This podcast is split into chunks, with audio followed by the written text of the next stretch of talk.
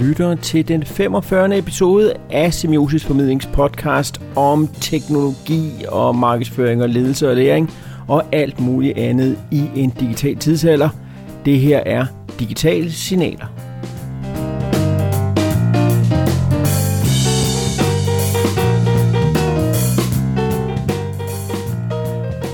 Og den 45. episode af Digitale Signaler har jeg valgt at give titlen Google OO, som øh, blandt andet kommer til at handle om øh, Google I.O. og den store konference, der var der.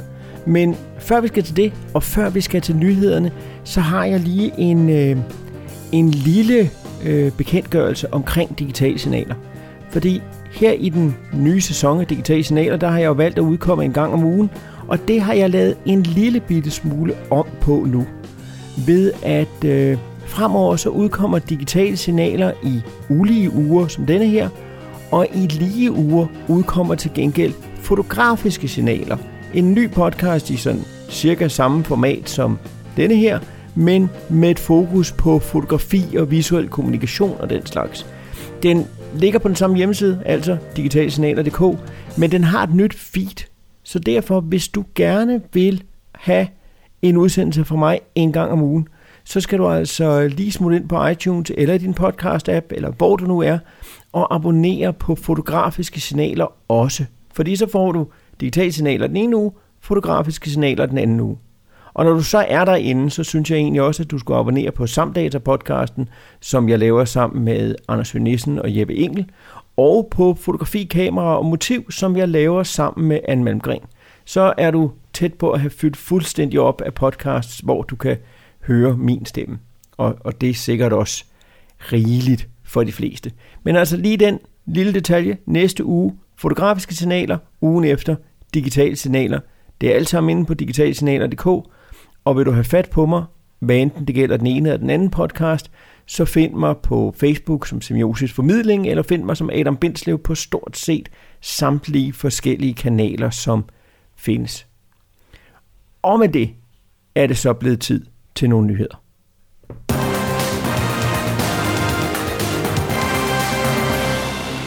Twitter kom til at lave en alvorlig ups i denne uge, da de opdagede, at samtlige brugernavne og passwords havde ligget i en ukrypteret fil på nettet. Hader, når den slags sker. Så selvom de siger, at der ikke er tegn på, at der er blevet misbrugt noget som helst, så er det nok en rigtig god idé at skifte dit password på Twitter og så også lige repetere nogle af de sikkerhedsregler omkring passwords, som du kan finde inde på digitalsignaler.dk. Måske er det et tegn på, at kryptovaluta vanvittigt er ved at være overstået. I hvert tilfælde er priserne på de tunge grafikkort 1070 og 1080 fra Nvidia ved at være nede i et fornuftigt leje igen. Og måske endnu vigtigere, de er rent faktisk på lager. Det er nok også et tegn på, at folk begynder at holde igen med udsynet til et 11-serien kort, der efterfølgende af rygterne kommer til efteråret. Microsoft har holdt bildkonference og annonceret der en masse forskellige ting, men blandt andet en ny app ved navn Your Phone. Den kommer til efteråret, den er beta nu, og med den vil man kunne synkronisere sin Android eller iOS-telefon med Windows og give muligheden for at sende sms'er fra, sende sms'er fra computeren. Jeg er personligt begejstret over perspektiverne, og det viser også lidt om det nye Microsoft, som lidt minder om det gamle Microsoft, som egentlig tror på, at det de laver, det er software, der fungerer på forskellige platforme. Og når nu ikke nogen gad købe Windows Phone, så må de jo bare få Android og iOS-telefonerne til at spille sammen. Det virker som en meget fornuftig strategi. Og på podcastfronten er der også nyt, nemlig at min absolute yndlingspodcast-app Pocketcasts er blevet opkøbt af National Public Radio i USA – og et konsortium med blandt andet uh, This American Life og andre podcastproducenter. Jeg vælger at tro på dem, når de siger, at de vil fortsætte udviklingen, og jeg anbefaler stadigvæk Pocketcast som den bedste cross-platform podcast-app, der findes. Så hvis du mangler en god podcast-app, så er de par håndører, som Pocketcasts koster, det er alle pengene værd.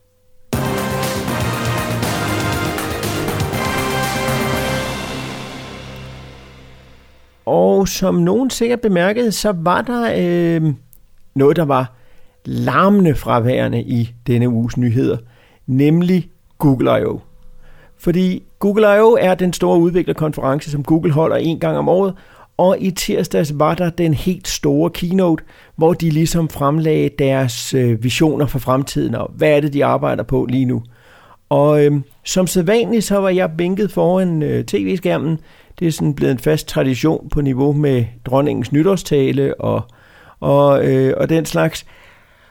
Og øh, i år, der synes jeg, det hele var en lille smule anderledes, end det har været. Eller også er jeg bare blevet enormt gammel. Men jeg synes, vi lige skal starte med at høre et lille klip fra Sundar Pichai's indledning af Google I.O.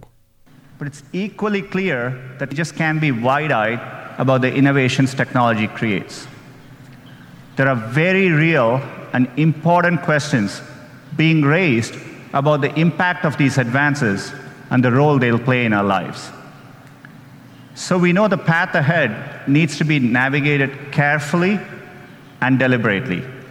And we feel a deep sense of responsibility to get this right. That's the spirit with which we are approaching our core mission to make information more useful, accessible, and beneficial to society. Så det var virkelig Google, der tog den helt store nu skal vi gøre noget godt for samfundet hat på. Og det er jo ikke første gang, de har gjort det. Det har de sådan set gjort lige fra starten med, med Organized World's Information og den slags. Google er sindssygt gode til at brande sig selv som værende the good guys. Øhm, og, og når jeg i det her kommer til at være en lille smule kritisk over for dem, så er det i virkeligheden også med en lidt dobbelt smag i munden, fordi jeg elsker Google. Jeg bruger Gmail, jeg bruger Google Drive, jeg har så gang en Google Apps-konto. Jeg øh, er måske en af de aller sidste mennesker, som stadigvæk synes Google Plus er godt. Jeg har en Android-telefon. Jeg har en Google Home ude i mit køkken, som styrer min, mit lys rundt omkring i huset. Jeg har Google overalt. Og alligevel så bliver jeg bare altid en lille bit smule mistænksom, når ingeniører kommer og vil redde verden at det i virkeligheden der, at filmen den knækker for mig. At på den ene side, så synes jeg, at det er fedt og futuristisk og alt muligt, at nu kommer de, og de har en bevidsthed om deres mission. Men det bliver bare også lynhurtigt en lille smule creepy. Fordi når, når Google gerne vil redde verden, så er der altid en eller anden underliggende, men er det ikke fordi de vil tjene pengeagtige tone i det? Og det ved jeg godt, at det ikke nødvendigvis er at der faktisk sikkert findes folk hos Google, som er ægte idealister og som bare vil redde verden. Men det bliver bare sådan nogle enormt ingeniøragtige løsninger på at redde verden, og jeg er ikke sikker på, at det er vejen at gå. Og da de så kommer i gang med keynoten her, så, så øh, gennemgår de jo så deres forskellige features, og en af, og måske den vildeste demo, jeg nogensinde har set, var, øh, at de arbejder jo rigtig meget med deres Google Assistant, og der er kommet, der kommer nye stemmer til den nu, som lyder mere, øh, mere naturlige, og de har sågar fået John Legend til at lave en stemmemodel, så til efteråret, så kan din Google Home komme til at lyde som John Legend. Hvilket er super underligt, men også en, en lille smule fedt. Øhm, men det tager de så skridtet videre, nemlig ved at lave en demo, hvor at Google Assistant eller det, de kalder øh, duplex, ringer til en øh, frisørsalon for at booke en tid.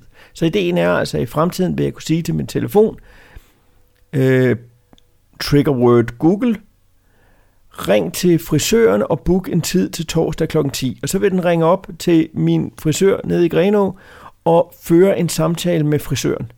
Og kunne forstå, hvad der bliver sagt. Og den der Google Assistant ting, det, det, var, det, det var vildt, fordi den siger, øh, og sådan noget på de helt rigtige tidspunkter. Men det bliver bare også underligt. Fordi den person, der er i den anden ende, ved ikke, at vedkommende taler med en robot. Og, og det Google gør her, fordi så viste de et klip, hvor den ringer til en frisør, et klip, hvor den ringer til en, en etnisk restaurant, og hvis man går ind på Google site, så er der flere, hvor man især ringer til sådan restauranter, måske hvor folk ikke taler et perfekt engelsk og sådan noget, og Google-robotten der forsøger at tale med dem. Og jeg kan simpelthen ikke sidde og lytte på det, uden at føle, at jeg øh, overvæger telefonfis broadcastet til millioner af mennesker. At, at Google simpelthen har lavet en, en, en, en prank call robot, som kan ringe og, og som kan på en eller anden måde indgå i samtaler med folk, sådan at folk i Silicon Valley og folk i Danmark med, med penge nok, kan slippe for at skulle ned og forholde os til helt almindelige mennesker. Og, og når man begynder at have det perspektiv inden, så er der altså en lille smule, what the fuck? Hvad i alverden er det, der foregår, at nu skal jeg altså tænke, jeg gider da ikke ringe ned til min frisør. Jeg lader da bare min robot ringe ned til frisøren, fordi min frisør fortjener åbenbart ikke den simple respekt, det er, at jeg tager telefonen og ringer til ham. Hvad fanden er det for noget? Undskyld, jeg siger Google. Hvad, hvad, hvordan hænger det sammen med det her med, at nu er vi meget forsigtige på den sti, vi bevæger os ud i i verden, og vi vil gøre noget godt for samfundet? Jeg vil ved at skabe et freaking A- og B-hold, hvor at A-holdet så kan være dem, som sidder og lader robotter ringe rundt i verden, så de slipper for at forholde sig til helt almindelige mennesker, som ikke har en Google-robot til at ringe rundt eller til at tage telefonen. Øhm, og, og det kan godt være, at det er bare mig, der har den, den voldsomt revolutionære hat på i dag. Det er meget, meget muligt, men jeg blev bare øh, over det her. Øhm, fordi fordi det er ikke, hvis man ser alle Googles videoer og, og sådan noget, prøv, prøv, prøv at lægge mærke til, gå ind og se nogle af deres promovideoer med, med, med denne her helt typiske Google overbelysning og lette øh, øh color grading af, af, af lykkelige mennesker af, af alle køn og alder og race, som går rundt og er super lykkelige. Altså lige bortset fra dem, der har restauranten nede på hjørnet, som Google ikke gider snakke med. Øhm, den, den havde det svært ved. Og, og, og, men, men samtidig sad også lidt med, med åben mund og polyper og tænkte, det er fuldstændig vildt, at man nu faktisk har en robot, hvor jeg ikke ville kunne høre, at det var en robot. Og det er selvfølgelig også en lille pule øh, angstprovokerende at tænke på, at når den her teknologi bliver sådan mere udbredt, øh, så holder jeg bare op med at tale i telefon. Fordi hvis jeg skal ringes op af sælgere, som ikke engang er en rigtig sælger, men er en robot, der sidder og følger manuskriptet, det gider jeg jo ikke bruge min tid på. Så, så, øh, så det kan også bare være, at det her det kommer til at slukke telefonsamtaler for evigt. Og det er så det næste, der kom. Noget af det sidste, der var i, øh, i Googles øh, præsentation her, det var deres bestræbelser på digital well-being. Og der skal vi også høre lidt af introen fra Samir Samat. Our team has heard so many stories from people who are trying to find the right balance with technology. As you heard from Sundar, helping people with their digital well being is more important to us than ever. People tell us a lot of the time they spend on their phone is really useful, but some of it they wish they'd spent on other things. In fact, we found over 70% of people want more help striking this balance. Se, her har vi lige det retoriske trick nummer 1. 70% har sagt, at de gerne vil have mere hjælp med at finde balancen mellem deres digitale og deres virkelige liv. Øh, hvad? 70% det er godt nok mange, men vi kan selvfølgelig ikke vide, hvad spørgsmålet er blevet stillet, og hvem det er, det er blevet stillet til. Øhm, men, men hele pointen i det her Digital Wellbeing-program er altså, at nu kommer der en masse værktøjer, som skal hjælpe mig til ikke at bruge teknologien. Fordi ikke nok med, at Google nu vil forhindre mig i, at jeg skal forholde mig til andre mennesker. Jeg skal ikke engang forholde mig til mig selv. Eller for den sags skyld til, til min børns brug af deres telefoner. Jeg skal ikke sige, undskyld Lilian, men nu har du set Netflix nok for i dag, så jeg synes, du skal lægge din telefon væk. Nej, nej, nej. Jeg skal sætte en tidsgrænse på hendes telefon, så hun ikke kan se mere Netflix. Sådan at jeg slipper for det der opdrag til sådan noget. Det er igen alle de her løsninger, der er nogle fine løsninger i det. Øh, nogle af dem er super gode. At for eksempel at have lavet sådan, at hvis man vender telefonen med skærmen nedad på bordet, så går den i Do Not Disturb, hvor den ikke vibrerer og ikke gør noget. Det er en rigtig god idé, og så vidt jeg mindes også en, som jeg der tror, jeg havde på en OnePlus-telefon, så det er jo ikke sådan super nyt. Den kan jeg godt lide. Fin idé. Men at jeg for eksempel skal indstille, hvor lang tid der skal gå, før at YouTube kommer og siger, at nu har jeg vist været nok på YouTube. Eller oven i købet kunne sige, ja, hvis du har brugt YouTube-appen i øh, to timer på en dag, så slukker den og bliver sådan grayed out, altså bliver grå, så jeg ikke kan bruge den indtil dagen efter. Altså, er jeg en fucking alkoholiker, eller hvad? Altså, jeg er med på, at der også både på cigaretpakker og på vinflasker og sådan noget står, at jeg ligesom skal passe på med mit overforbrug. Men den lukker ikke automatisk. Jeg må faktisk godt åbne alle de flasker vin, jeg gider. Og jeg ved også godt, at nu er nogen, der sidder og siger, jamen det er jo frivilligt, om man vil bruge det. Men det er tanken. Det er tanken om, at nu siger vi bare, vi har en ingeniøragtig løsning på det her, så at folk selv kan sætte begrænsninger for deres forbrug, eller kan putte det i det, der hedder wind down, hvor er klokken 10, så fader skærmen ud i gråtoner, så alting ser lidt kedeligere ud, og så er det nok tid til at gå i seng. Altså hvis jeg sender klokken 10, det kan også være klokken 11, eller klokken 12, eller klokken 8 om aftenen, eller hvornår det skal være. Sådan at, at jeg åbenbart ikke selv er i stand til at stoppe. Og der, hvor problemet kommer her, problemet er i virkeligheden ikke, at Google tager det her alvorligt, fordi det er fint, og det er godt, og det må de også gerne, fordi at, øh, at ja, at det er jo også en ansvar i at lave produkter, det er at sørge for, at de bliver brugt hensigtsmæssigt. Men det, jeg frygter her, er også, udover at jeg hader den her nanny state ting, at nu skal ingeniørerne komme med en ingeniøragtig løsning, og så, skal vi, så, så er det fikset. Fordi det er det andet problem, det er, at så så adresserer man jo ikke det underliggende problem. At nogle ting er crap. Og, og, og så gør vi det bare til, jamen så kan man bare sætte en tidsbegrænsning på det, der er crap. Nej, vi kan opdrage hinanden til at gøre noget ordentligt. Vi kan opdrage hinanden til at se nogle bedre ting, eller interessere os for noget mere interessant, eller bare tænke, folk må selv vælge, hvad de vil.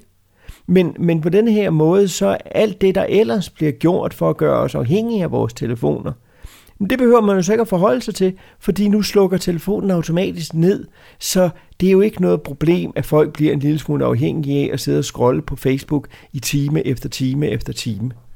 Øhm, og, og det går mig på, at, at hvis der er noget, Google elsker, at alle teknologifirmaer i virkeligheden elsker, så er det de her quick fixes. Så er det de her, jamen, her er en løsning, en algoritmisk løsning, en programmeret løsning på de her problemer, og så behøver vi ikke at tænke mere på det. Ligesom den gang, hvor at man tog ud og lavede øh, øh, denne her billige PC til den tredje verden, fordi man tænkte, hvis vi nu bare giver alle børnene i Afrika en computer, så bliver de kloge, og så udvikler landet sig, uden at man griber fat i de bagvedliggende problemer. Fordi, hør ja, her var en hurtig løsning. Og det sker igen og igen og igen, når vi gerne ser, at de her meget, meget rige teknologifirmaer skal redde verden. Så rigtig fint, at de har en mission, og rigtig fint, at de er bevidste om, hvad det er, de gør. Men, men Google, jeg tror ikke, at det er jer, der nødvendigvis skal redde verden. Kan I ikke bare starte med at få fikset jeres to-do-lister og, og de andre sådan helt grundlæggende problemer, der er med jeres produkter, før at I begynder at skulle redde mig fra mig selv. Og det var Digital Signaler 45. Google, oh oh. Øhm, jeg håber, du kunne lide, hvad du hørte. Digital Signaler er tilbage om 14 dage. I næste uge, der er der fotografiske signaler. Hvis du er fat på mig, så øh, gå ind på Facebook. Semiosis Formidling hedder, jeg, hedder vi derinde. Eller find mig som Adam Benslev på Twitter eller Instagram, eller hvor du nu ellers finder mig. Hvis du har nogle kommentarer, hvis du har øh, noget, jeg, du gerne vil have at tage op, så skriv om det derinde. Så vil jeg meget gerne tage det med i en kommende udsendelse. Ha' det rigtig godt. Ha' en god Kristi Himmelfartsferie, og øh, så høres vi ved. Hej hej.